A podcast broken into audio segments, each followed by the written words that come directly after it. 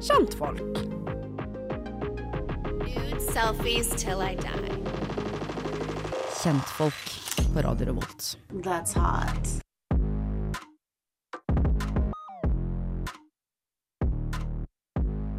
Ja, det er duket for en ny episode av Kjentfolk, der tre kjentfolk prater om kjente folk. Og som vanlig så er det Tora, Hillevi og Hedda i studio. Og i dag så har vi duket en skikkelig hva skal jeg si, godtepose av en sending for dere. Vi skal ta for oss den nye store reality-satsingen til Prime Video, Girls of Oslo. Og vi skal snakke litt om eh, både disse damene som er med i denne serien, og om hva vi syns da, etter å ha sett denne serien. Jeg heter Fetisha, og du hører på Radio Revolt.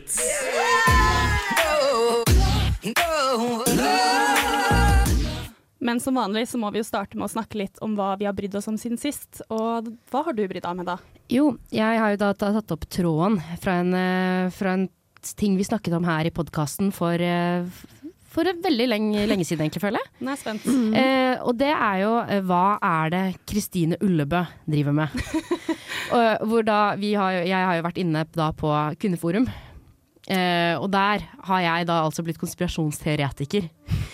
Eh, og dette var jo dere vitne til i går, fordi Ja. at jeg sa at jeg tror jeg vet hva som har skjedd med henne. Hedda, hva var det du trodde Ja. hadde skjedd? For ifølge mine kilder, dvs. Si Kvinneguiden, så, eh, har, eh, eh, så har hun dukket opp eh, under eh, navnet Kristine Arntzen eh, som medeier i et vaskefirma i Trondheim. Det er mystisk. Det er mystisk. Eh, og det er da altså en person som da heter Kristine Arntzen, som har bilde av Kristine Ullebø eh, som profilbilde.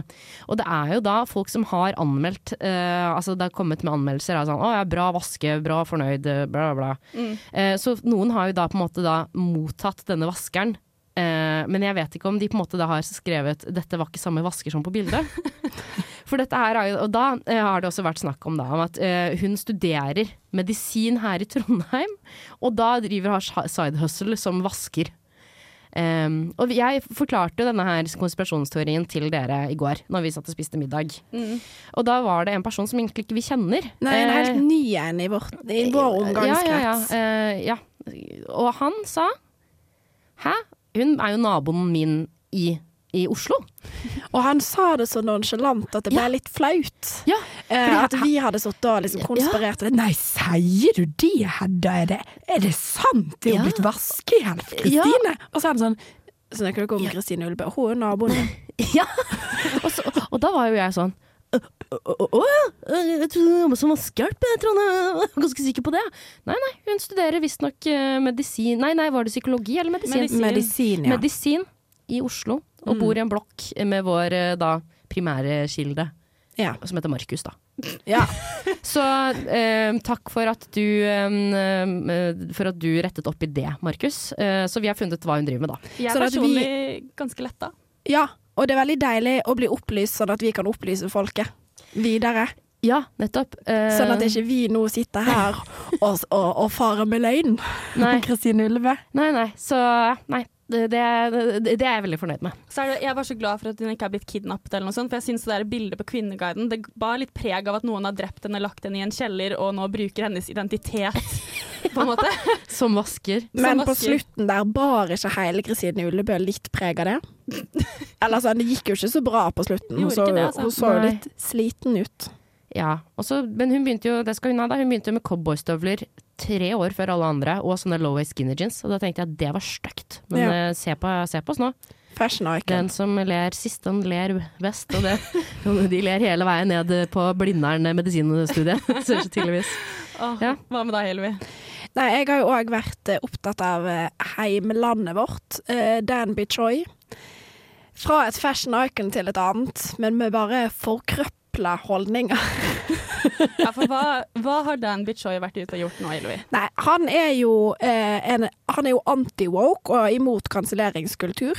Jeg vil òg si at jeg er imot kanselleringskultur, men det er, må jo for faen meg være grenser for hvor langt vi drar han. For han har jo skrevet en bok, eh, 'Kanseller meg hvis du kan'. Verdens mest passiv-aggressive boktittel, eller? Ja, og så jeg bare tenker sånn, kanskje vi bare begynner med Men Hele han bare oppsynet hans bare irriterer meg så kraftig. Og så det han nå har gjort, da, er at eh, det har vært eh, en stor sak i Bergen om eh, voldtekt av mindreårige og gruppevoldtekter og grusomme ting. Ja, med tiktoker. Um, ja. Ja. Og så er det jo eh, flere menn som har blitt dømt for dette. Og han ene han da dukka opp i en TikTok-video sammen med Danby Choi, der da han eh, banker på døra til Danby, og Danby sier 'Å, gutten min, har du blitt kansellert, du? Stakkar deg. Dette går over'. Så er sånn, for faen, han har jo ikke blitt kansellert, han blir dømt for voldtekt av mindreårige. Hva i all Nei. Ja, men jeg kan jo på en måte skjønne litt. En gang så ble jeg kansellert av Oslo kommune da jeg hadde parkert i et lyskryss jeg ikke hadde lov til å plassere og fikk bot. Og hva gjorde du da?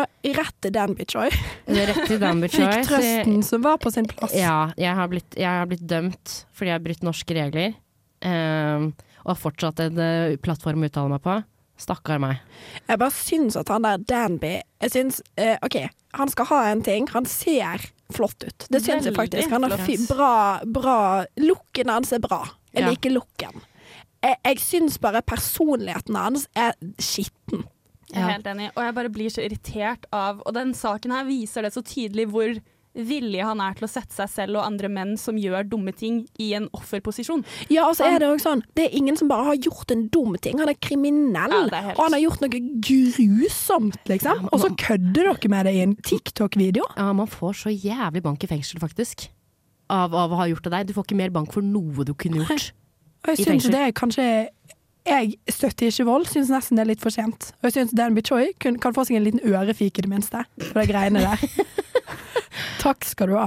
Så det har jeg fyra meg opp eh, over den siste uka. Tora, har du noe hyggeligere å fortelle meg? Eh, ja, fordi jeg vet ikke om det på en måte er at det er mye av det, eller om jeg underbevisst oppsøker det, men jeg føler at den nye tramp-stampen til Øyunn Krogh Ja. har vært på min netthinne usedvanlig mye denne uka her. Eh, jeg vet ikke hva jeg syns om det, eh, og det har også fått meg til å tenke over jeg føler det er en veldig sånn kultur nå blant influensere, og kanskje spesielt disse Oslo-influensere, at jenter som er kanskje sånn millenniumsgenerasjon og eldre, eldre enn oss, oppfører seg som noen en gjeng med Gen Zs, Ja. rett og slett. Det er flaut. Hva tenker dere? Jeg syns Øyunn er jo eldre enn oss i dette studioet her. Ja. Uh, jeg syns det er upassende. Nei da, jeg syns ikke det upassende, men jeg syns det er litt pinlig. Det er noe Kristine Danke over det hele. Jeg har alltid syntes at Kristine Danke kler seg som hun er 20 år yngre enn det hun egentlig er. Hun ser ut som hun er 17 år, så egentlig er hun sånn 30 og noe. Jeg syns det er veldig rart. Så det- 47? Ja, Jeg vet ikke hvor gammel hun er. faktisk. Fembarnsmor til masse tenåringer. Nei da. Men eh, eh, det er en sånn bølge som jeg eh, trodde kun skulle ta Kristine Danke, og så har han tatt på en måte Malin Nesvold. Ja, Er det- Er det på tide å kjøpe seg cardigan og roe seg ned? Ja, helt enig. Jeg syns det er veldig rart. Ja, altså, men det er nesten litt beundringsverdig òg, for jeg merker jo selv her jeg sitter at når det kommer nye trender nå med veldig low waste og ditten og datten, så kjenner jeg sånn ja, men det angår ikke meg lenger. Jeg er for gammel. Jeg kommer ikke til å kle og ha magen min ute. Ja. Det, det sømmer seg ikke for en kvinne i min alder. Men så ser jeg jo også disse influenserne da, som er eldre enn meg, og som gjør dette. I liksom Ja. fullt driv. Men, men eh, jeg syns jo på en måte det er bra at vi har noen av dem, hvis du skjønner hva jeg mener. Men det er bare he hele pakketet, på en måte. Ja. Den eneste som jeg føler kler seg litt uh, aldersmessig riktig, er Fetisha Williams. Ja, for hun hun ser nailer annerledes ut, på en måte. Ja. Hun, jeg føler liksom Hun har sin egen stil, Ja. men stilen er eh, ikke upassende Nei. for alderen. Det er sånn ja. OK, det er en kul stil. Og Martha Leivestad. Ja, Mm, Jeg føler at jeg kan se på dem som eh, Sånn kan jeg kle meg med mine medsøstre i min medalder, på en måte. Ja.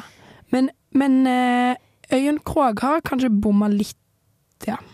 Men hun ser jo flott ut, da. Ja, hun ser jo amazing ut. Jeg tror bare jeg blir en hater også fordi jeg syns personlig trampstamp det, det kommer aldri til å bli noe annet enn harry. Og det, det er sånn du kan gjøre når du er 18 og ikke tenker deg om, men så skjønner jeg ikke hva planen er med å ha en trampstamp inn i 30- og 40-åra, på en måte. Ikke heller. Og helt ærlig, det er greit at det er inn, eh, inn og kult nå, men du kommer til å hate det om bare sånn Gi det tre år, så kommer ikke det til å være kult lenger.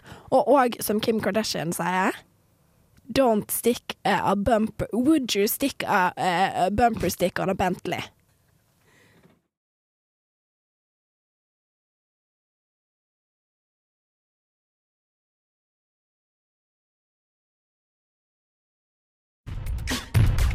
I am so fab.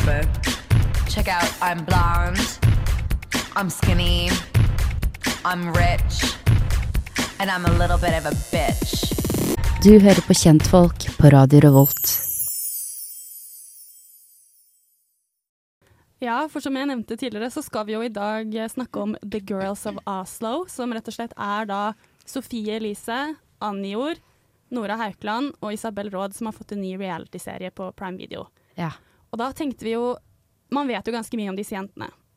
Men vi tenkte allikevel det kunne være fint å ta en liten dypdykk inn i bakgrunnen til hver av disse, og hvor de kommer fra, og hvorfor de kanskje er med i denne serien, da. Og hvis dere vil høre mer om serien, så kommer det seinere, så dere må, må, Ja. måtte bare bear with us. ja, for nå snakker vi om det selve The Girls. Ja. The Girls of Oslo. Anniken Jørgensen er kanskje jokeren i Girls of Oslo. Den eh, 27 år gamle Drammensjenta er nemlig ikke helt som de andre, hun er en gammel sjel. Hun ble kjent som blogger gjennom å fortelle om sin hverdag på bloggen annijord.blogg.no, hvor hun primært har vært en moteblogger og er selve skjelettet til begrepet Scandy Girl Style. Hun skriver om følelser, fugler, og fortalte ærlig om sin evigvarende kjærlighetssorg over eksen sin, den sjarmerende Mikkel fra DJ Broiler. Fy faen! Dette her er bare helt magisk. Hun skrev også en bok om denne sorgen, som heter Bare en natt til, som mottok lunkne kritikker. Nå for tiden driver hun et klesmerke med fokus på rettigheter for fabrikkarbeidere, en ringbusiness med forloveden Theo, og ikke minst sminkemerket Natalia. I tillegg til å ha en av Norges mest estetisk gammelsjelede Instagram-feeder. Ja, det var Annie år der, altså. Jenta vår. Jenta som kanskje har gitt det å bære nag et ansikt.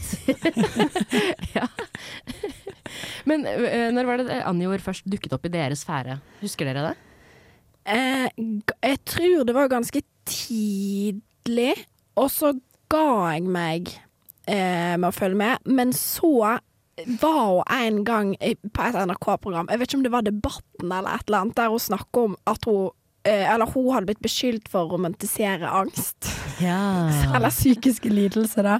Og da husker jeg så godt at det var sånn med bilde som hun hadde tatt eh, i bassenget sitt, av at hun liksom drukna av eget mørke, da. Og det greit meg.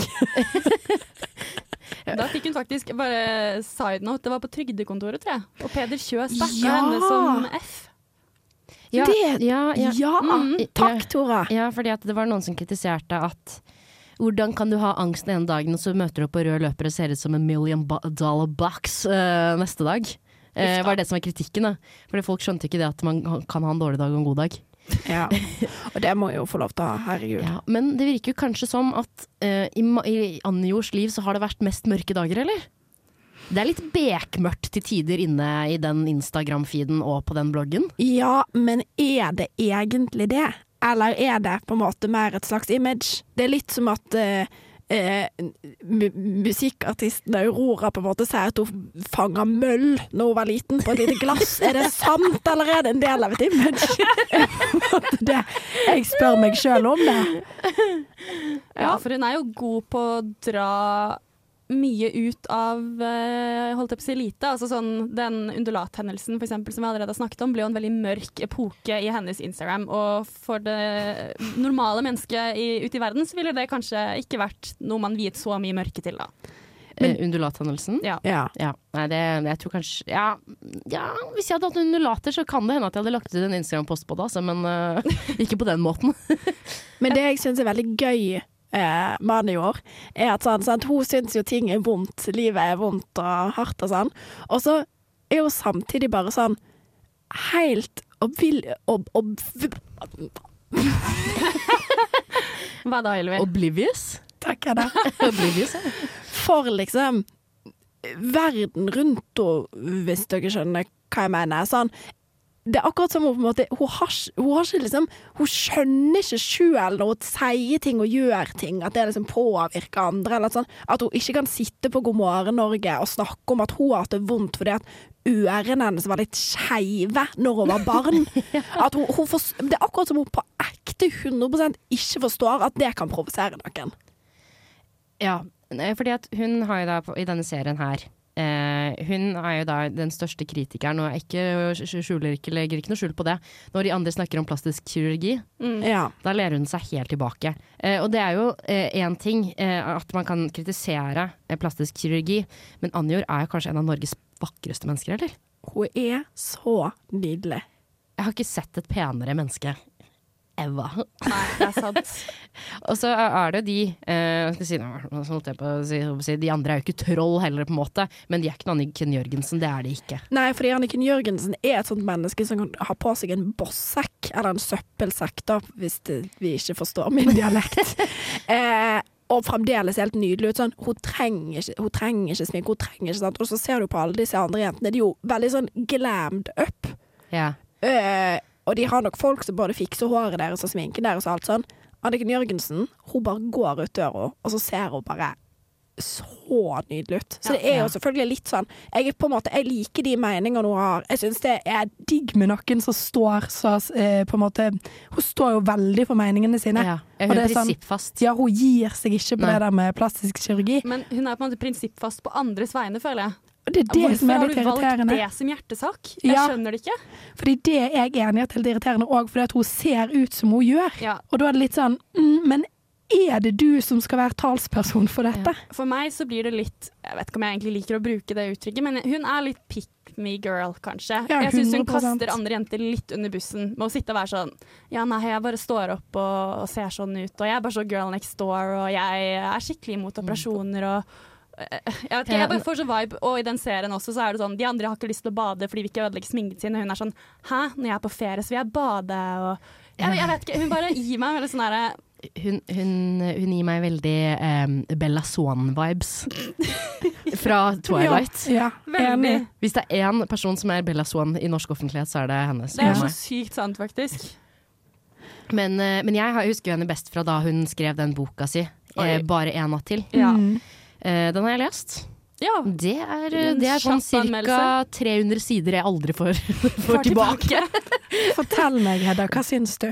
Uh, ikke spesielt bra skrevet. Uh, ikke en spesielt bra historie. Uh, men det er veldig tydelig at hun syns veldig synd på seg selv. Ja. Eh, og da hun da møtte en bokkritiker som slaktet denne boken her, eh, og da ga ganske mye sånn, jeg vil si saklig tilbakemelding på hvorfor dette er ikke en god, dette er ikke en god bok. Jeg, at det er liksom, og hun sa var ikke noe sånn å ja, eh, du er teit som har opplevd dette. Det var ikke noe sånn den anmelderen drev med. Men da sa hun du har ikke medfølelse for, eh, for mine følelser. Hun sa vel også, og dette kan ikke du vite noe om fordi du ikke har barn, og du har ikke Altså, Ja. hun gikk ganske personlig til angrep da, rett og slett på den her journalisten. Ja, ja, ja. Det var, det, var, det, var, det, var, en spennende tid i samtiden, og det var jo virkelig sånn um, jeg, jeg elsker jo bloggelitteratur. Ja, Med en gang en, en blogger eh, spesifikt da, har skrevet en bok, så må jeg ut og lese den. på en måte. jeg. Men eh, jeg har den i bokhylla hjemme, ehm, så den kan dere få lov til å lese hvis dere har lyst til å plages litt. Men hva syns dere om eh, estetikken? For det er en ting er jo personligheten, ja. men en annen ting er estetikken. For hun har jo eh, Du kan se masse om Anniken Jørgensen, men hun er god på å tjene penger. Og hun har jo tjent penger på Ja. estetikken sin. Hva, hva, hva syns dere om den? Jeg personlig syns den er litt kjedelig. Ja. Det er jo ekstremt forutsigbart. Men hun ser jo helt fantastisk ut. Så jeg tar jo meg selv i å gå inn og bare titte, fordi det er så vakkert at man blir helt uh, balsamert i sjelen. Ja. Nei, jeg syns at hun, hun, ser, hun ser nydelig ut, men jeg, jeg vet jo at hvis jeg hadde gått i de klærne eh, som hun kjøper, altså har lagd på nettsiden, så vet jeg jeg hadde jo ikke sett ut som Anniken Jørgensen, jeg, vet du. Nei. Det er jo noe med det. Ja. Men jeg, jeg liker estetikken sykt godt. Jeg, syns, jeg får lyst på alt hun har, eh, fordi at alt ser dyrt ut. Ja. Det er sant. Hun er utrolig god på å få ting til å se dyrt ut. Og så er hun òg eh, veldig Jeg føler ofte at når influensere gir ut ting, så ser det innimellom litt sånn wish ut. At det er bare sånn At jeg får følelsen av at her er det bare haugevis med polyester som de bare på en måte putter på oss for 200 kroner, mens Ja. Anniken Jørgensen gjør det eksklusivt. Ja. Eh, og jeg føler meg på en måte For eksempel da, så har jeg kjøpt noen av sminkeproduktene. Natalie, Natalie, eller Ja, hva det uttales? De er faktisk eh, Jeg er ikke sponsa noe, vet men jeg, jeg syns faktisk at de er ganske gode. Hun er flink på å lage sminke òg. Eh, men jeg føler meg eksklusiv når jeg bruker det, og jeg føler meg eh, spesiell som fikk lov. Og den følelsen er Anniken Jørgensen god på. Hun gir meg Matilda Djerf-vibes. Ja. På at hun er god på å gi deg følelsen av at sånn Jeg selger deg en livsstil. Eh, jeg selger deg på en måte marmorbadet mitt med de uh, gullbelagte svanekranene Ja. eh, sammen med denne blushen. ja. Nei, for jeg kjenner Det har litt motsatt effekt på meg, for jeg syns det er så uoppnåelig at jeg blir litt sånn mistenksom. Sånn, hvis hun lanserer et sminkeprodukt og viser seg med det, så blir jeg sånn Ja, men jeg kommer jo ikke til å se sånn ut uansett. Jeg blir aldri en marmorjente, liksom. Nei, jeg bare lat. jeg vet ikke hva jeg driver med, men ja. Ja, nei, men, ja, men hun, er, uh, hun er en estetiker. Det er helt sikkert. Og snickers og twist. Det, virkelig.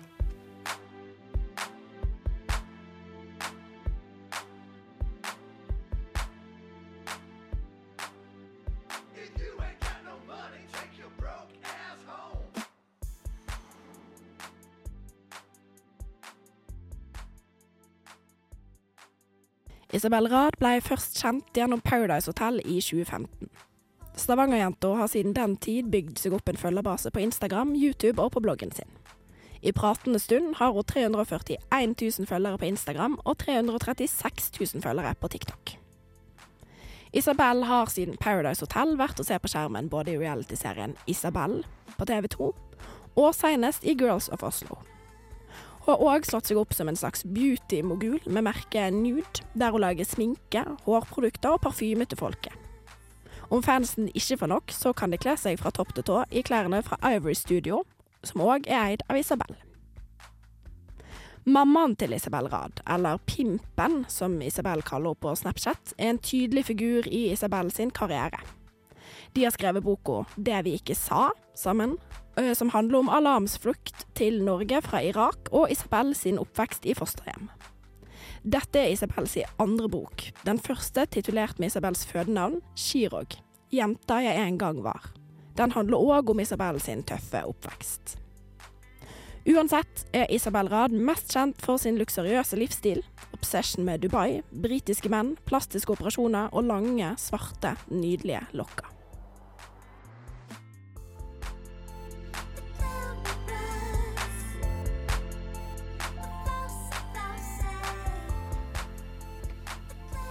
Ja, det var Isabel Rad. Og jeg må innrømme at hun er liksom en person jeg før denne serien egentlig ikke har sånn kjempeforhold til.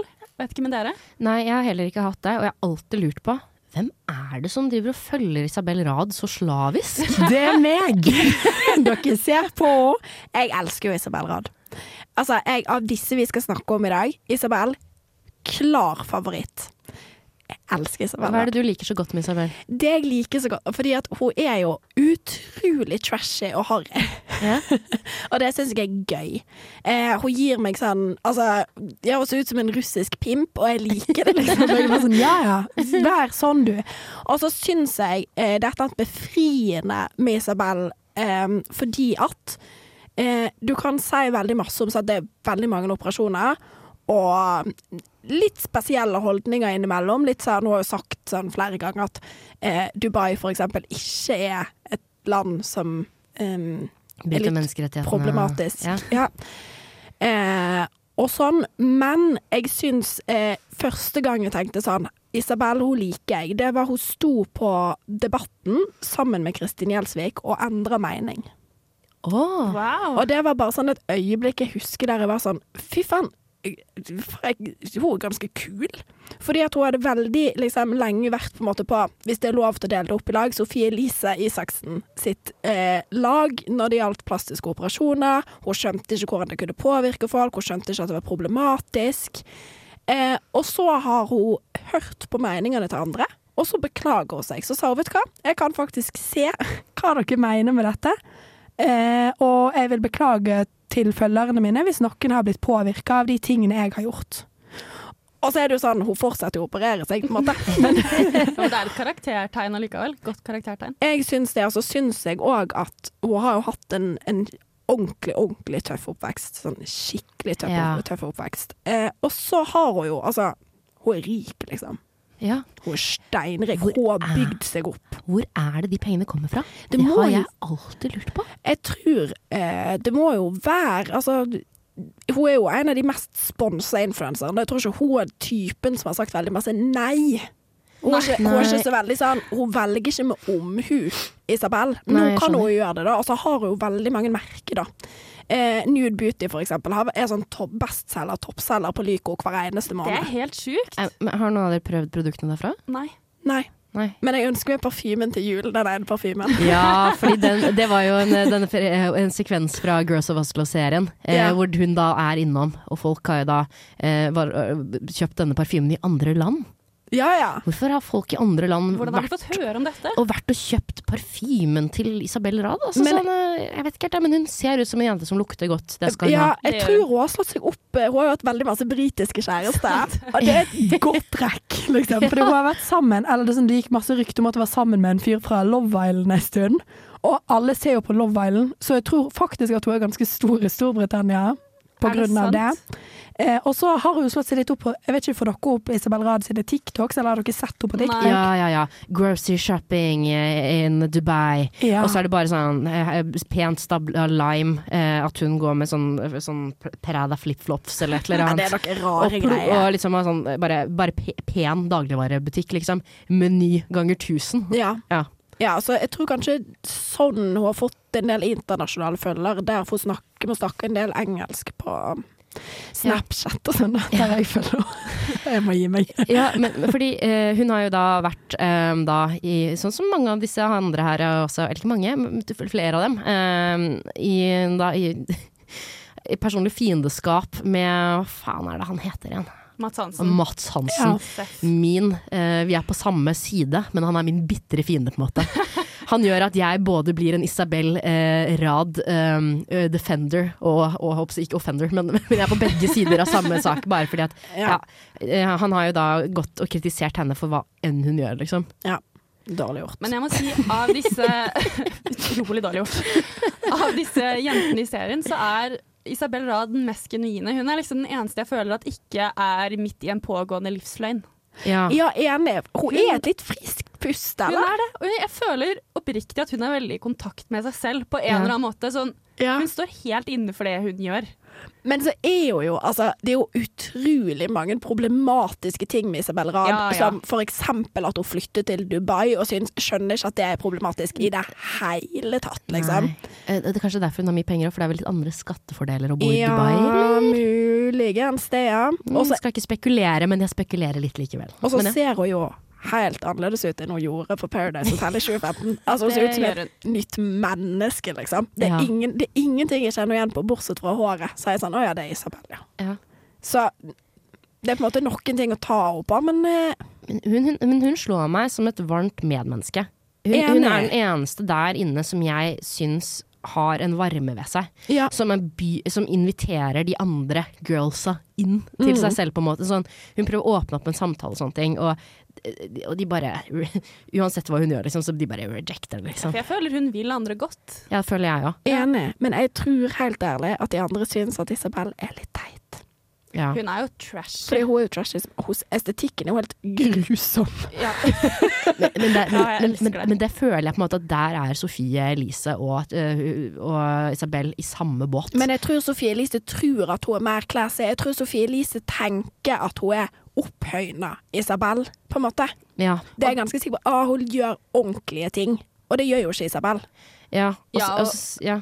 veldig Sofie Elise later jo veldig som om, eller det kan hende det er ekte, da, men at hun ikke syns det er noe kult å være rik og kunne gjøre dyre ting. Jeg føler Ja. Isabel i mye større grad er sånn ekstremt nyrik. Hun bare digger det, liksom. Og Hun hun- er sånn kjøper bare Og hun elsker det, hun legger ikke noe skjul på det. Hun Nei, nei. elsker å bruke penger. Kommer hun til å kjøpe seg en hvit leopardkåpe? Mest Mest sannsynlig. sannsynlig, Ja, ja. ja. Ja, ja. Hvis du har mulighet til det. Ja. Ja, nei, fy faen. Takk. Tusen takk for ditt nærvær, Isabel. Love you. Nora Haukeland ble først et kjent navn i 2020 da hun vant andre sesong av realityserien Love Island sammen med partneren sin Johannes Klemp. Og i tillegg til å vinne 300 000 kroner, så fant de to også kjærligheten. Og de var forlovet i litt over et halvt år før det ble slutt på slutten av 2021. Og kjendisstatusen til Nora den økte betraktelig da hun plutselig begynte å frekventere på Instagrammen til Sofie Elise. Og det ble fort tydelig at de to hadde blitt ordentlige bestiser. Se og Hør beskrev til og med de to som en mye omtalt duo som kanskje har blitt Norges svar på Paris Hilton og Nicole Ritchie. Og i oktober 2022 så ble det klart at Nora Haukeland hadde fått til det alle jenter drømmer om, å kapre drømmeprinsen. Da viste hun seg nemlig offentlig for første gang med hele Norges Marius Borg Høiby, og de to var utkledd i det ikoniske jeansantrekket til Britney Spears og Justin Timberlake. Senere så ble det klart at de to hadde blitt kjærester, og også at de hadde blitt samboere i en av kongefamiliens boliger på Skaugum. Men forholdet varte ikke så lenge, og sommeren 2023 så gikk de offentlig ut med brudd. Om du ikke visste hvem Nora Haukeland var før februar 2023, så kan det jo sies at hun ble offisielt satt på Norges kjendiskart da venninnen hennes Sofie Elise la ut et bilde som satte i gang den kanskje største medieskandalen Norge noen gang har hatt. Bildet viste jo, som du sikkert vet, Nora Haukeland som holder en liten kokainpose, og dette skapte store kontroverser rundt både henne og Sofie Elise. Nora sin tid i rampelyset den har vært kort, men også turbulent. Så når hun nå er med i Girls of Oslo, så kan man kanskje si at hun er litt kjendis-underdogen i gruppa. Ja, Nora Haukeland. Jeg føler jo kanskje litt at hun er en kvinnelig Joakim Kleven på mange måter. Ja. Ja. Ja, Hennes uh, kjendisstatus er jo i stor grad uh, berodd på de hun har rundt seg, da. Jeg, jeg skjønner det- ikke hvorfor hun har invitert deg. Nei, Det, er jo på grunn av skandalen. Ja, det er ja, sant. men det, ja, og så kanskje har det litt med kongefamilien å gjøre. Fordi Ja. folk huger jo etter å vite mer, på en måte. Ja, Åh, det er så gøy ass, i den serien der. Man skulle tro at det er Diana selv som har eh, Ja, ja. greiene. Det er jo ikke en eneste ting hun ikke gjør for å passe mer inn i livsstilen til han eh, Jeg kaller det for Fitteprinsen, jeg. Ja, du gjør det, da. Med rette. For å spoile da, serien, så kommer det jo fram nå i den nyeste episoden har kommet ut at det blir jo slutt. Ja. Så alt dette her gjør hun jo bare uker før det faktisk slutter. Og hun da. er og prøver brudekjole. Hun Ja, tar eh, bikerlappen. Hun Altså, jeg har aldri gjort som innsatt, jeg, for, for, for meg selv engang. Husker dere den gangen Nora Haukeland og Sofie Elise hadde vært på et badeland? Ja. Og så hadde de Drukket masse inne på det badelandet. Ja. Sprit eller et eller annet, og lagt Ja. det ut på Instagram. Og Og, så klikker det for Ja, folk. og ikke bare nok med det, men de hadde ikke vasket håret før de var i bassenget. De hadde tørt hår i bassenget, og det er strengt forbudt, tydeligvis, da, ifølge reglementet til eh, dette her Sogn og Fjordane badelandet. Jeg elsker Norge. Jeg òg elsker Norge. Nei, fordi at, eh, det var jo den første mediestormen Nora Haukeland sto. Det kalles en mediestorm. Ja. Badeland, eh, badelandstormen. Jeg storm i et uh, badevannglass. Og det var på en måte egentlig for meg sånn hun ble kjent, det der Love Island-greiene. Det, det kan du, du få gratis av meg, altså. Ja. Jeg husker også veldig godt da Jeg vet ikke om det var de første bildene Sofie Elise la ut med henne, men det var da, jeg tror det var da Sofie Elise drev og holdt på med han Isak. Øh, hvor hun også begynte å henge med Nora og drev og la ut sånne wild, sexy women-bilder av de to som var på isen i noe sånn pels... øh, De hadde, ja! De hadde bikini på seg og noe sånn Ja. pelsmoon Veldig. Russian aesthetics, vil jeg si. Eh, det tror jeg var min første sånn Å ja, der er Nora Haukeland. Og begynte å se litt på hvem hun var, da. Ja, at hun og Sofie Elise har vært med Isak Dreyer ute på isen og klubba i hjel noen selunger, eller hva de driver med. ja. Det som er veldig gøy, er at eh, jeg tror egentlig Nora er litt sånn Nå angrer litt på at hun ble kjent gjennom Sofie Elise, fordi i serien så er jo hun veldig sånn opptatt av at hun nå liksom vil branch out da, og få et nytt image, kanskje litt sånn fashion image, litt sånn som Anne gjorde her. Åh, girl. Altså, det men unnskyld meg, har du sett din egen estetikk? Det er jo ikke Altså, Nei, hun har ikke så fine klær. Altså, Altså. det mest classy hun har på seg, må vel kanskje være fra Veromoda, på en måte. Hvis det er lov å si. ja. ja Ikke nei. noe slander på Veromoda, men det Veldig mange av klærne hennes ser ut som Hvis på en måte vanlige klær var et popkornfrø, så ser det ut som klærne hennes er popkornet. Skjønner du hva jeg mener? Jeg skjønner hva du mener. Alt er bare litt for stort og litt for puffa. Ja. Det er en slags sånn forsøk på noe Carrie Bradshaw-stemning der, som kanskje ikke treffer helt tame, eller? Nei. Og så synes jeg jo det var så mystisk, fordi hun snakker jo om i serien at det var utrolig vanskelig for henne karrieremessig da denne kokainsaken kom ut, fordi da var det så utrolig mange samarbeid hun hadde som ble avbrutt. Og så ble jeg litt sånn Oi, vil, ja, hvilke? Var Brun du kjent blid. før dette? Men har dere fulgt henne? Jeg tror jeg begynte å følge henne etter kokainskandalen? Ja. Har dere føl følte dere henne før? Nei. Men hvordan var tidslinja der igjen? Fordi hun var jo ganske lenge sladda ut i alle bildene fra saken. Man skulle liksom ikke vite hvem den andre jenta var. Men jeg husker ikke. Var det hun som uttalte seg, og da fikk vi Da ble det liksom sånn at det Jeg husker ikke. Uh, nei var greit å si navnet ja, men, Jo, men det er egentlig Ok, Nå, om jeg skal være kryptisk her, da. eh, Så ble jo det kun um, Altså, det er først forklart at det er henne etter at promoen til denne serien kom ut. Så det er jo kanskje en liten plan i at uh, nå får du endelig vite Nora Haukelands eh, side av eh, saken, tipper Ja. jeg på. Ja. Men så har jo alle visst det. Ja, Siden bildet. Altså, altså, det er jo altså, Norges dårligst bevarte hemmelighet, liksom. Men jeg tror jeg hadde kjent på det om svigers var kronprinsparet, og jeg bodde i en bolig de eier på Skaugum, på en måte. Og da plutselig blir han, hun kokainkjæresten. Jeg tror det er- er- at jeg hadde kjent på det uansett. Altså, jeg hadde kjent på det med mine svigerforeldre nå, hvis det var sånn bilde av meg som svirrer rundt på internett med kokainpose, så tror jeg det hadde vært synes veldig vanskelig å se det i, i øynene. Det er veldig sant, eh, men jeg må jo også huske at den kongefamilien har jo ikke bare rent mel i posen. Av og til så har det jo også vært andre hvite ting der. Det er sant. A bonding moment mellom svigermor og datter. Muligens. Eller Ja, nei, det, det er vel bare Det er vel bare rykter. Det er men vel bare rykter, ja. belager oss en del på rykter her i Kjentfolk, for de som ikke har fått det med med du må seg. ikke ta, må ikke ta et, sek sekund eller et ord av det vi sier seriøst. Nei. Nei, nei, det er faktisk viktig å huske på. Men, men det som er så fint, er at hver gang Nora Haukeland åpner den, eh, den der, eh, jeg kjeften sin, så, så får jeg, altså, vet jeg mindre om henne. Helt sant. Ja. Men kan jeg si en positiv ting om Nora Haukeland? Ja, jeg liker dialekten hennes veldig godt, og det er, eh, jeg syns det er forfriskende For hun er fra Alta. Ja. Jeg syns det er en forfriskende dialekt å ha i mediebildet.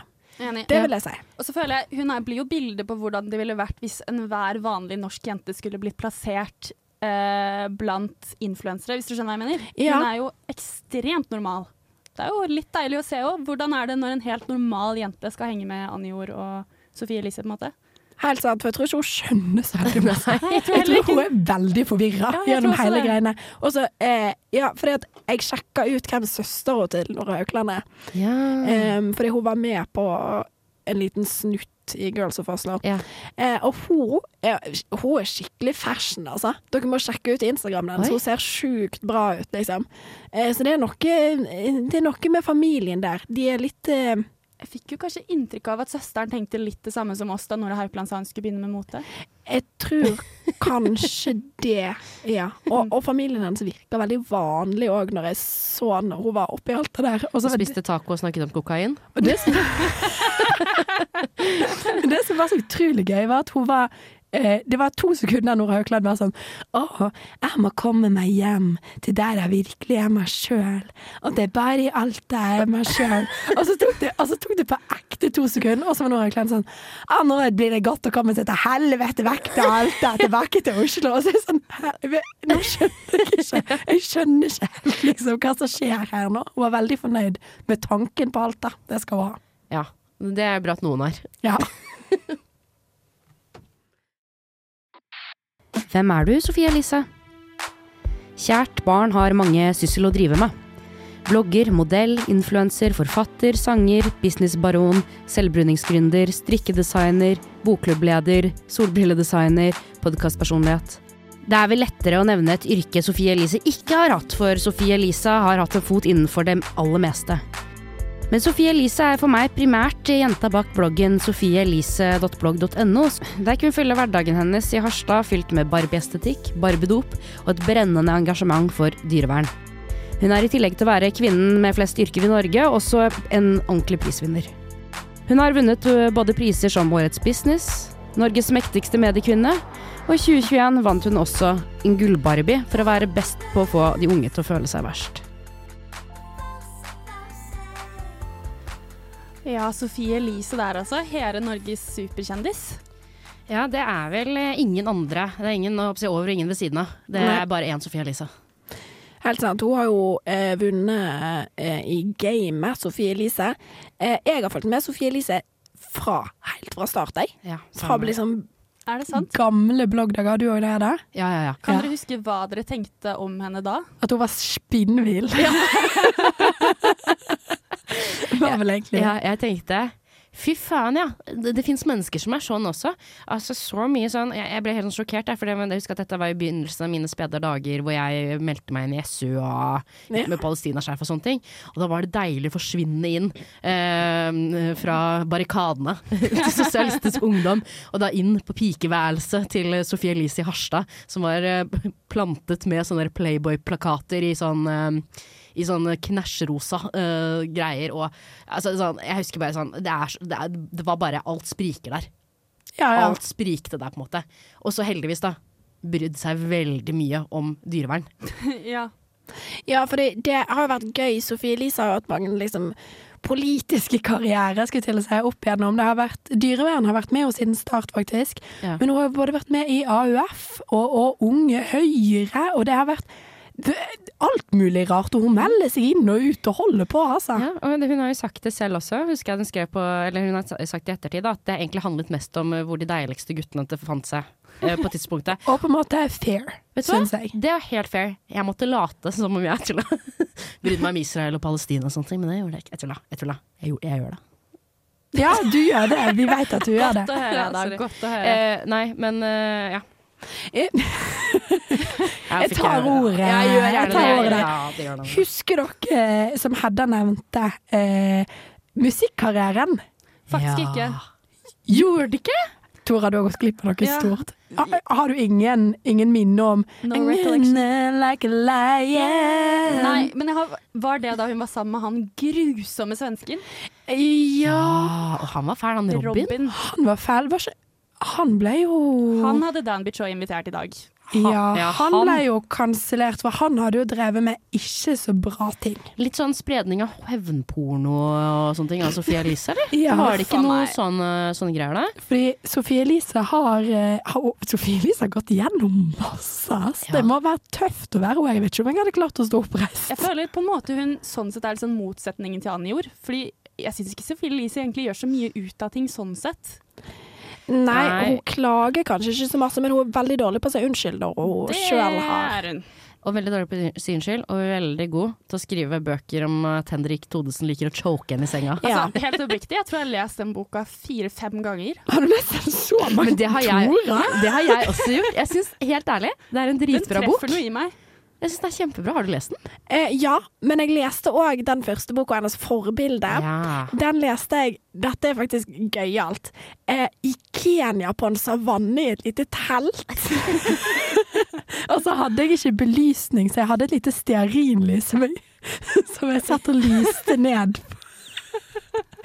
For å få med meg litt litteratur, da.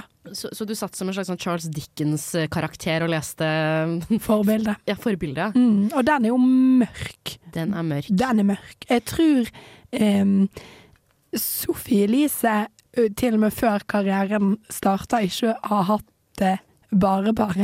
På en måte. Nei, det, Nei, det, er, det er noen demoner i det, i det livet der. Apropos demoner, husker dere at hun la ut en video på bloggen sin om at det spøkte hjemme hos henne? Nei. Jo, jo, jo. Så hun Nei, da ettertid, i ettertid så har hun gått ut og sagt sånn Ja, jeg bare faka det. det var liksom ting som falt ned fra veggene og sånne ting som hun Det bare er veldig Ja, gøy. det. Hun er jo en legende. Ingen andre har klart det samme som Sofie Elise har klart det. Fordi hun gjør sånne ting, og så ser hun etterpå sånn Jeg bare faker det. Sånn Ja ja, Sofie. Her er du på gang Ja. igjen. Eh, jeg har litt sånn um, altså Jeg føler at jeg har et veldig personlig forhold til Sofie Elise. Sånn, som- sånn som jeg kjenner Sofie Elise, så, så føler jeg på en måte at um, det har mye med min personlighet å gjøre. For jeg er både hennes eh, på mange måter hennes største kritiker, men også hennes største forsvarer. Sånn i forhold til min, Når foreldrene mine begynner å prate om Sofie Elise, Ja ja. da, er det, altså sånn, da finnes det jo ikke noen jeg støtter mer i hele verden enn Sofie Elise. Men når jeg snakker enig. med dere om Sofie Elise, så er det ikke en jeg kan dra mer gjennom søla enn Sofie Elise. Men jeg var, Kall meg naiv, kanskje. Men Ja. jeg ble faktisk oppriktig ganske skuffet da hun ditchet Fetisha på den måten. Fordi jeg føler jeg har forsvart Sofie Elise ved flere anledninger. Ja. Jeg liksom liker å backe henne, for jeg syns hun har en drive. Hun har gjort utrolig mye kritikkverdig, men hun har en helt sjuk business drive som man må bare beundre. Ja. Og jeg trodde hun var kanskje et litt bedre menneske enn det har vist seg at hun er, da. Ja, fordi at um, Det som er en ting som jeg vil si om denne serien her, da. eh, at jeg trodde jo at de skulle For at hun har jo hele tiden Sofie Elise vært sånn Jeg blir å fortelle alt. Jeg blir å fortelle alt. Ja. Men hun har jo ikke nevnt noe som helst om den podkasten i det hele tatt. Nei, Nei. Og så er jeg litt sånn, Hvorfor sitter jeg og ser på Girls of Oslo, uh, og at du drar og legger deg tidlig på jentetur i uh, Ayanapa, eller hvordan det var, uh, og så skal du ikke nevne det, det største bedrageriet siden eh, drapet på Julius Cæsar eh, på denne måten her, liksom. Nei. Fordi hva, hva- ja, hva er det som er, har skjedd? Og det Jeg skjønner det ikke. Også si om Sofie Elise. Hun er kanskje det mennesket jeg vet om som er minst villig til å strekke seg for andre. Ja. Eh, og det har jo på en måte Jeg tror første gang jeg så det, det var eh, når hun hadde den eh, egne serien sin på TV2. Sofie Elises min verden. favoritt-reality-serie. Ja. Helt oppriktig. Da- Den Word. krangelen hun Fetisha og Joakim Ja. har her på Bakklandet. oh. Og da, da husker jeg jeg tenkte så veldig Fordi Fetisha sitter nede på Bakklandet ved, ved elva, da, ved Nidelva. Ved Andeparken. Ja. som vi alle har gjort. ja, der har vi alle sittet med Men jeg vet ikke om dere pleier å grine der, men det var veldig masse grining. Uansett, Sofie Elise er da på ekte null interessert i å høre hvordan de andre føler det. Ja. Null interessert i å ta imot liksom, kritikk. Hun er og hun slår meg bare som så utfattelig narsissistisk i den serien. Det er så uheldig. Ja.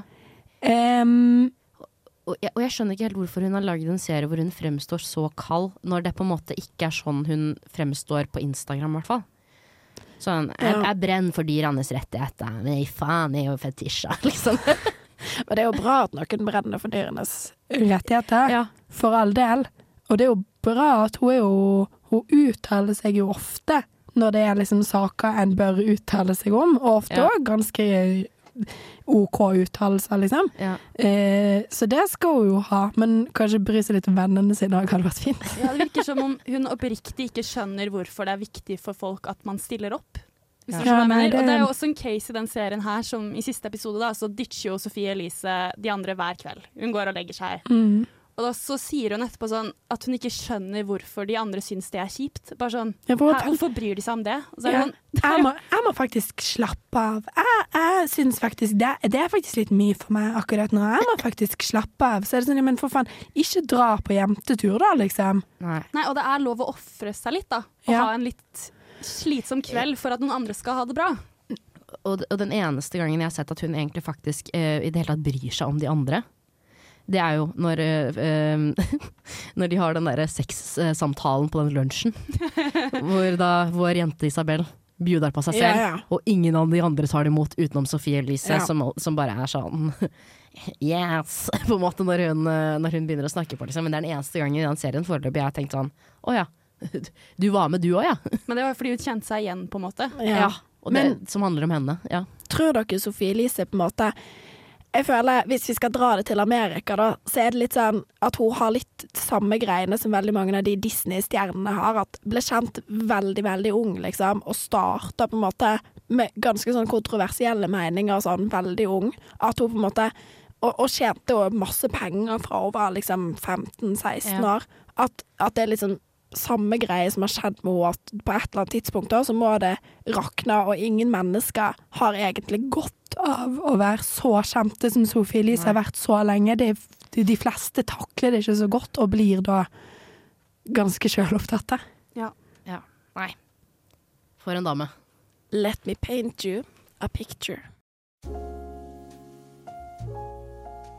Undertegnede, altså meg, har benka seg i sin hvite Ektorp-sofa sammen med chihuahuaen sin. Det er fredagskveld, og vi er klare for høstens, muligens årets, høydepunkt. Vi har begge sommerfugler i magen når vi, uten engang å trenge å leite nevneverdig på TV-en vår, er klare for å trykke på play. Girls of Oslo har starta. Og det ligger tre episoder klare for å bli analysert, dømt og ikke minst nytt.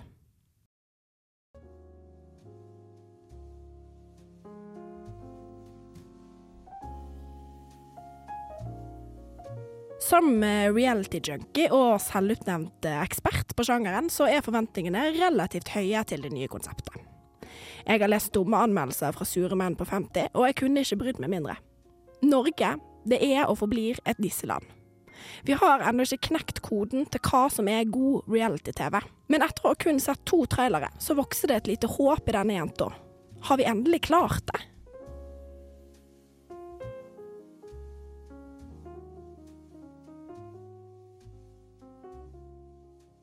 Konseptet er enkelt. Fire av våre aller mest opererte, kontroversielle og tøysete influensere skal bli venner. Det blir selvfølgelig ikke bare bare, og det må forhåpentligvis på et eller annet tidspunkt gå litt til helvete. Oppskriften er genial. Hadde det bare vært for at de faktisk hadde fulgt oppskriften.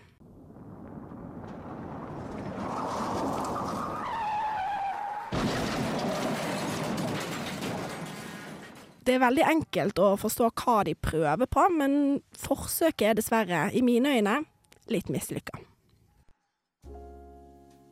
Det første problemet oppstår rundt Nora og Sofie sitt bilde. Dere vet det bildet i den bildekarusellen som fikk Sofie Elise sparka fra NRK.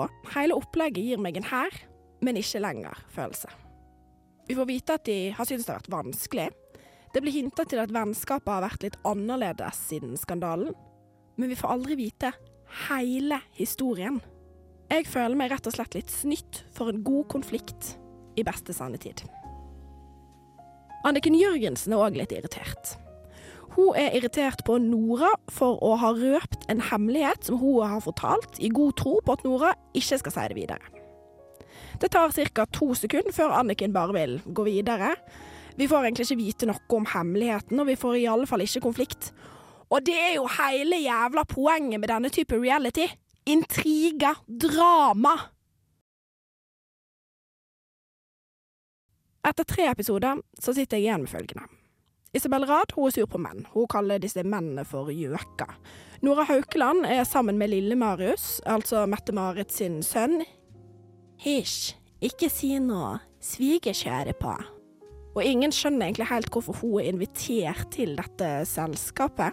Anniken Jørgensen hun skal muligens gifte seg, men ikke ennå. Kanskje om noen år vil hun egentlig gifte seg. Ingen kommentar.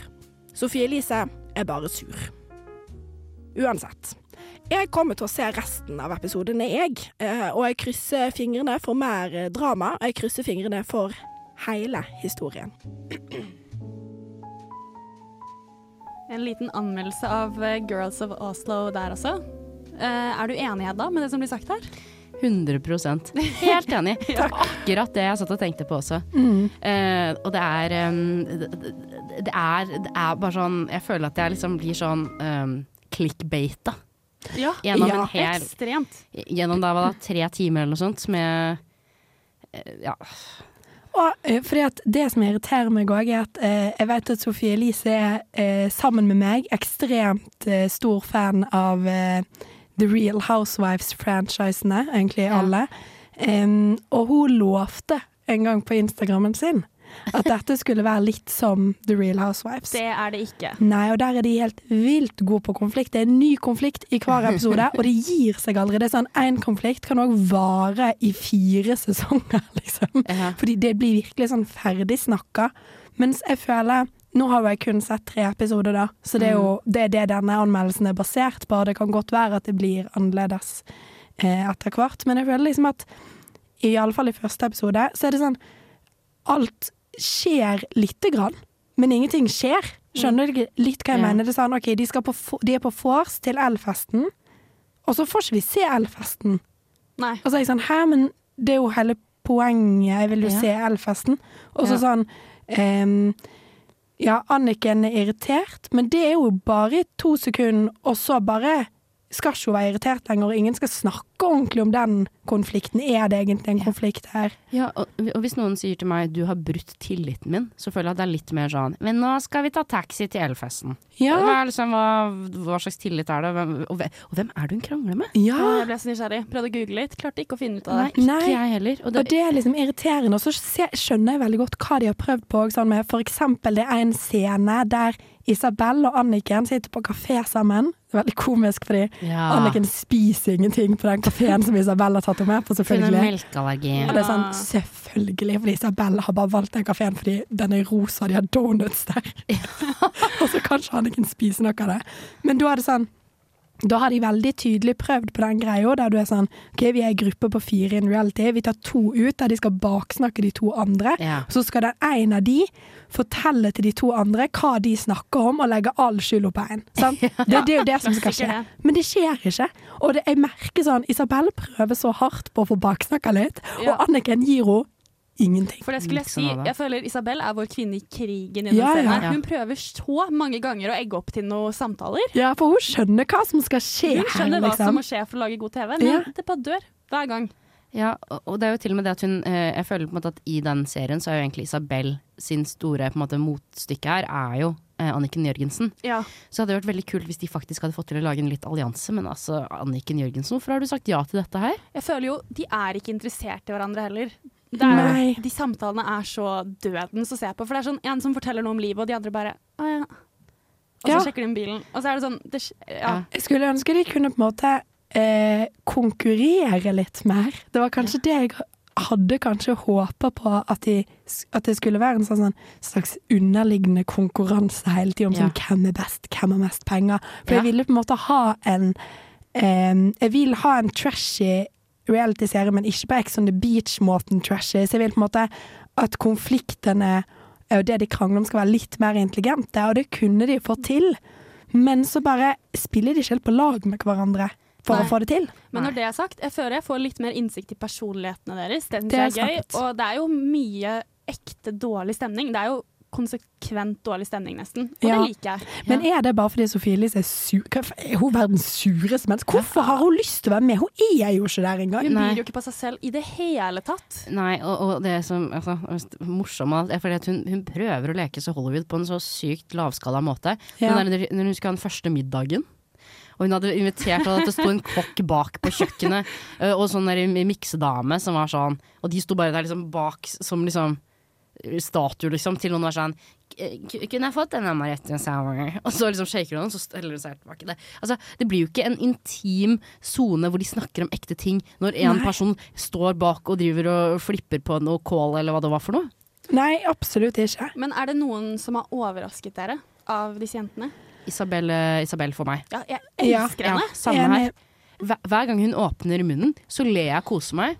Hver gang Anniken Jørgensen åpner munnen, så slutter jeg å kose meg. Jeg syns Anniken Jørgensen har overrasket meg kanskje litt negativt. Eller sånn, hun er enda mer dømmende enn det jeg trodde hun var. Ja. Jeg opplever henne som utrolig ja, rett og slett dømmende, og hun skjønner Ja. ikke hvor andre kommer fra i det hele tatt. Mm. Jeg, eh, Nora Haukeland har eh, overraska meg i det at å, hun er faktisk et menneske. Men òg sånn at hun ikke bare er en, på en, måte en, en AI-robot som Sofie Elise har lagd til Instagrammen sin.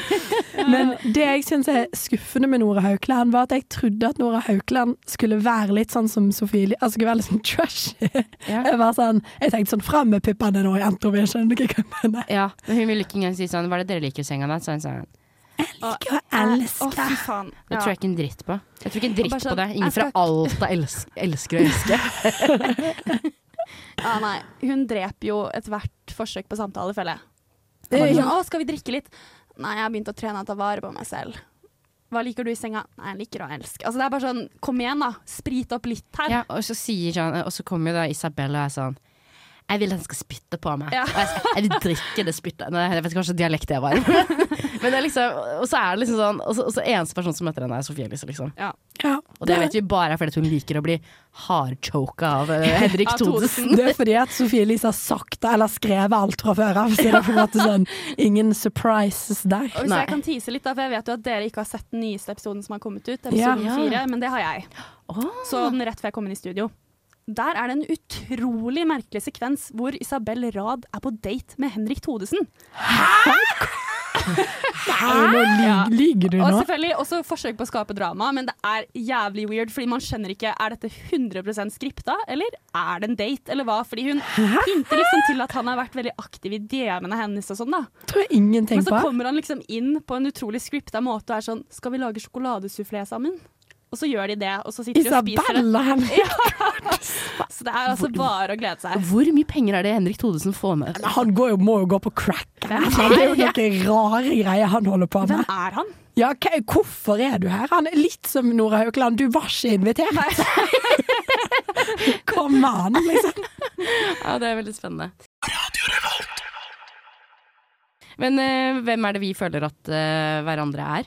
Eh, fordi hvis dere måtte plassert oss Dette er jo litt som eh, For våre kvinnelige lyttere så har vel alle gått igjennom på et tidspunkt med vennene sine Hvem er du i Sex in the City? Ja. Ja. Vi tar konseptet, bare over til Girls of Oslo, som er vår Sex in the Ja. City. Da, på en måte. Jeg er så klar for å bli fornærma nå, kjenner jeg. Ja. Skal jeg si hvem jeg tror, mener at du er? Ja, jeg tror jeg Ja. ja. Bring Hvem er, ja, hvem er det du tror at du blir? Jeg tror jeg er Nora Haukeland, dessverre. Du er Anniken Jørgensen. Er jeg? Og jeg vet ikke om jeg blir glad eller lei meg for det. For det var det første jeg skulle si, Anniken Jørgensen, når vi satt og snakket om dette på kontoret. Ja. Så, eh, så tenkte jeg sånn, at det må være Anniken Jørgensen. Men Anniken Jørgensen eh, Anniken Jørgensen er jo litt slem. Ja, du, er ikke, du er jo på en måte bare de positive sidene av Anniken Jørgensen. Hvilke Ja. positive sider har Anniken Jørgensen? Du er pen og classy og går med Du kler dressbukser som ingen andre gjør. Og jeg føler, Tore, ikke for å Nå, nå blir lytterne godt kjent med oss her. eh, Ikke for å liksom, men jeg føler at du kunne på et tidspunkt sagt sånn Hvis jeg hadde tatt fillers, da, for eksempel, da kunne du vært sånn Hilvi, det syns jeg ikke noe om. Det syns jeg ikke du skal drive med. Det blir for dumt. Ja, og, og, og dessuten så føler jeg at du og kjæresten din er litt Theo og Anniken Jørgensen i Trondheim. Dere er et it-couple. Dere er et it-couple. wow. Veldig pene. Veldig pene. Herregud, folkens. Og egentlig så dere kunne starta et merke, og jeg hadde, jeg hadde kjøpt det. På en måte, jeg hadde vært sånn Å ja, så, så typen til Tora Tora har eh, driver og lager noen ringer. Det skal jeg kjøpe, ja. ja, ja, men den eh, tar jeg til meg. Kanskje blir det noe eh, merch fra meg etter hvert. Gleder meg. OK, Hedda. Ja. Du er for meg Sofie Elise. Ja. Er jeg det? Ja. På hvilken måte da? eh, Liberal, for det første. Ja. For det andre, eh, litt sånn Det er den der Lana Del Rey-nesten eh, du har. Crazy bitch-faktoren. Litt, ja, som Ja. Sofie Elise også har. Litt Ja, det der ta sort-hvitt-bilde på Bakklandet. Ikke at du ville gjort det, men du lever litt i den estetikken Ja, ja, ja. Eh, og at du er litt eh, Ja, litt sånn samme sånn uh, Samantha Altså hvis du, både du og Sofie er Samantha i Sex and the City, på en måte. OK, jeg skjønner hva Ja. du mener. Ja. Ja, okay, ja. Litt vågal, kanskje. Ja, ja, for det var det jeg òg skulle si. Du er litt Du er, er vågal. Du er et vågalt menneske, på en måte. En som eh, For jeg føler på en måte òg at du kunne Du har Personligheten din er på en måte litt sånn den er litt delt. Det er sånn, inn, innimellom så kan det jo være sånn For eksempel så tenker jeg sånn Hedda er ei jente med liksom sånn Du har rette meninger, du liksom Ja. eh, Skjønner du? Ja, Sånn. Og så plutselig så kommer det bare et eller annet unhinged fra sida som viser seg at du har drevet med lenge. Skjønner du hva jeg mener? At det er sånn Ja, at det plutselig viser seg sånn ja, nei, jeg ser alltid alle YouTube-videoene til Sofie Elise, og jeg syns faktisk at de er ganske bra. At det er en ting du kunne sagt, Ja, ja. liksom. Så kunne Ja, jeg ja. vært sånn, ja. Ja, ja, det er jo det som, som Jeg elsker Sofie Elise sine bøker, jeg. Ja. Jeg elsker det. ja. Men her, du har også, hvis man får lov å si to, da, Ja, ja. så har du også et lite dryss av Isabel Rad. Ja, for det, Ja. det, det jeg Det- trodde jeg skulle være. Du byr på deg selv på litt samme måte, vil jeg si. ja. Litt sånn Ja, en hinged deling. Altså, Du er så- lættis, liksom. Og du er alltid med på det som skjer. Ja. Du er ikke Sofie Elise. Du, du går ikke og legger deg. Nei, du er ikke sur. Du er ikke sur. du Du, er den som sitter Du drar til Marbella, og da, da skal du for faen meg være i Marbella, og det skal, det skal shottes, og det skal holdes på. Nei, nei, nei. nei, nei. Og så liker jeg òg Jeg tror at du og Isabel har litt samme greie med menn. Er litt sånn Britiske- Enten så elsker vi de på en måte overalt på jord, eller så hater vi de Det er intenst. faktisk veldig sant. Ok, men jeg, jeg tar den, altså. Jeg tar den. Skal dere gi meg noen av Haukeland nå? Å, fy faen. Fordi det, det jeg skal si, er at jeg syns at det er egentlig litt delt på deg. Ja, jeg er enig. Ja, fordi at jeg syns at du har eh, Du er litt Du er litt Nora Haukeland, Ja. men med Isabel, eh, Isabel eh, på en måte. OK, takk. Ja, ja. ja. At, at du også er litt sånn eh, Du er eh, varm. Fordi at det som er med Nora Haukeland, er at jeg kjøper ikke den eh, eh, versjonen hun har vist av seg selv. Det må finnes noe mer gull der. ja. Ja, og det, og det føler jeg på en måte Det gullet jeg tror finnes der, er det jeg ser for meg at du er. Å nei, men det var noe Ja, ikke, Dere kan godt si noe stygt om meg òg. Jeg har sagt masse stygt til dere to. Jeg hadde lagt ut et bilde av deg med kokain på Insta. Så kan jeg veldig se for meg at du hadde dratt hjem til røttene dine i Os og spist noen taco med familien. På Og så har jeg akkurat samme måte. 100% latt som ingenting. Ja. Så nei, det var ikke meg, nei. Og så føler jeg at du har kledd litt sånn samme classy type livsstil som Nora Haukeland når hun er med Marius. Du kunne, du kunne vært svigerdatteren til Mette-Marit og prins Ja, ja det, det, er, det er det jeg tenkte på også. Ja. Du, hvis det er en her som skal gifte seg med en kongelig, så er det deg. Å, fy faen, tusen takk! Det her ble jo tidenes komplimentrunde. da. Jeg trodde Dere vi må, skulle... kan jo se stygge ting til meg òg. Nei. Men jeg tar den, altså. Ja, det eneste som ja, du, du kommer aldri til å ta motorsykkelloppen, det er jeg sikker på, Ylvi. Og det, Nei, det, det det skiller jo- dere jo Men på det er fra- kanskje derfor dere får vibesen av Nora Haukeland. Fordi at Nora Haukeland prøver jo å virke litt sånn eh, kjedelig, på en måte. Ja. Og jeg vil jo aldri ta motorsykkellappen fordi at jeg mener at det er farlig og noe vi ikke skal drive med. Så at, altså, jeg tar jo ikke billappen engang, for jeg tenker sånn jeg har en mann som kan kjøre bil, jeg. det, det er de vibesene Nora Haukeland prøver å gi, da. Som hun ikke får helt til, dessverre. Nei, men dette her har jo vært en uh, heidundrende sending, dette her. Ja, det har det. Takk for at du hørte på. Du som hørte på. Ja. Ha det. Ha det Ha det bra!